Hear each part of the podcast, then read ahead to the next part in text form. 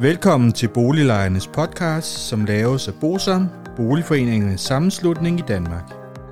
Bosam er en engageret og aktiv lejerorganisation, som har specialiseret sig i at bistå og rådgive beboerorganisationer i private udlejningsejendomme og afdelingsbestyrelser i almen boligejendomme.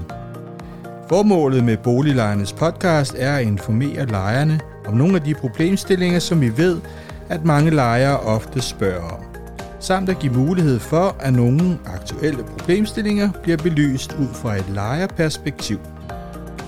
Boliglejernes podcast er lavet af lejere til lejere.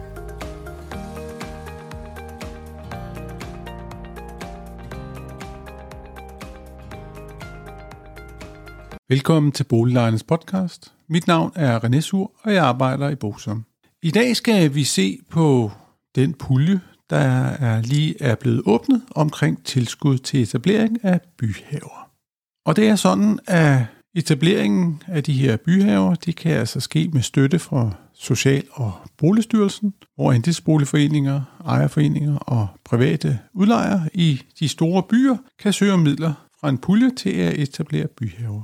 Og der kan man altså få fra 25.000 til 250.000 kroner.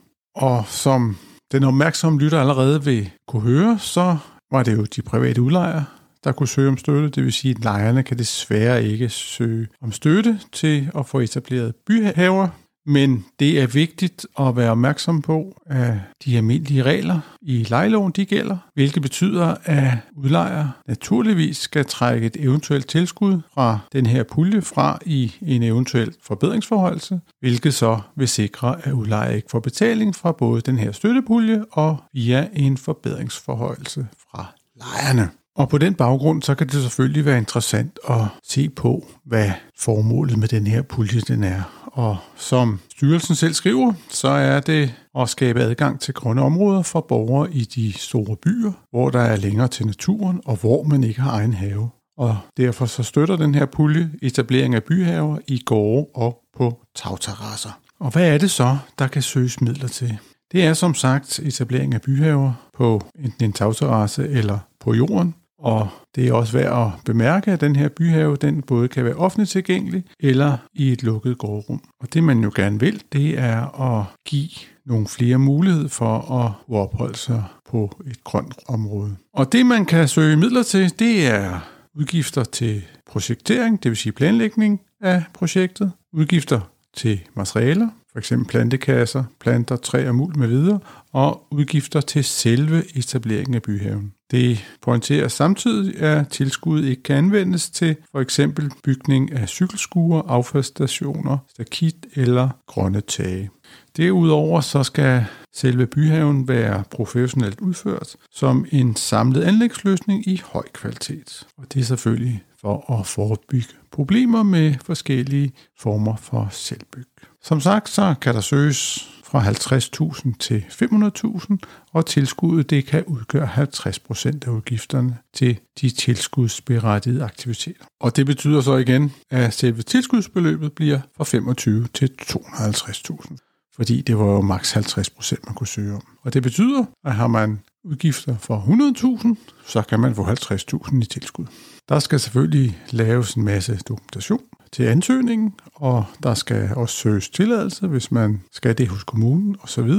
Og så er der et krav om, at man ikke må starte projektet, før der er givet tilsavn. Selve byhaven, den skal være tilgængelig for alle beboere i ejendommen. Det vil sige, at det må ikke være sådan, at hvis det er en tagterrasse, at det så kun er dem, der bor på de øverste etager, der har adgang til tagterrassen. Og selvfølgelig, det giver næsten sig selv, så skal selve det areal, man laver den her byhave på, den skal være ejet af foreningen eller den private udlejer.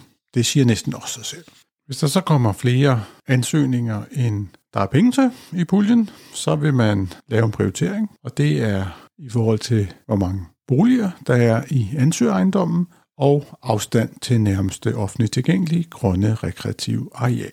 Og så er det også et krav, at tilskudsmodtagere de skal have gennemført projektet inden for 12 måneder efter, at de har fået et tilsavn til at gennemføre projektet. Når man så har afsluttet projektet, så skal der selvfølgelig laves et byggeregnskab, som skal sendes ind med bilag til styrelsen, så man kan få pengene udbetalt.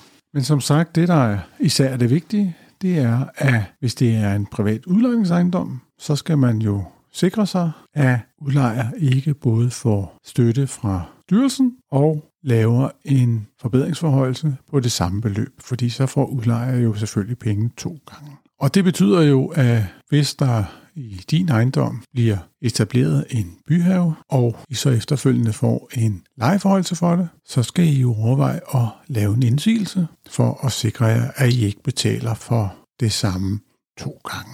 Derudover så kan man jo også sige med sådan et projekt, selvom at det er dejligt, at man giver mulighed for, at flere mennesker kommer til at se på noget grønt, at man som lejer ikke kan søge om det. Men det et eller andet sted giver jo lidt sig selv, fordi det er jo en lejlighed, man lejer, og det vil sige, at det er jo selvfølgelig ejer, som får pengene, og derfor må det også være ejer, der bestemmer, om der må laves en byhave.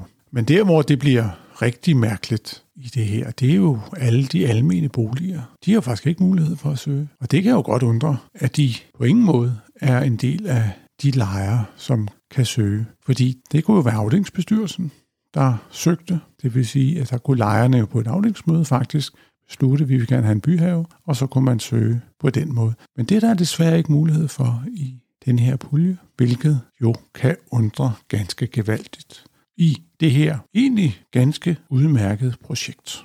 Men som sagt, det vigtigste budskab, det er at være opmærksom på, hvis du bor i privat udlejning, og der bliver lavet en byhave, hvad er det for en lejeforholdelse, der kommer? Fordi at vi skal selvfølgelig sikre os, at udlejer ikke får betaling for projektet to gange.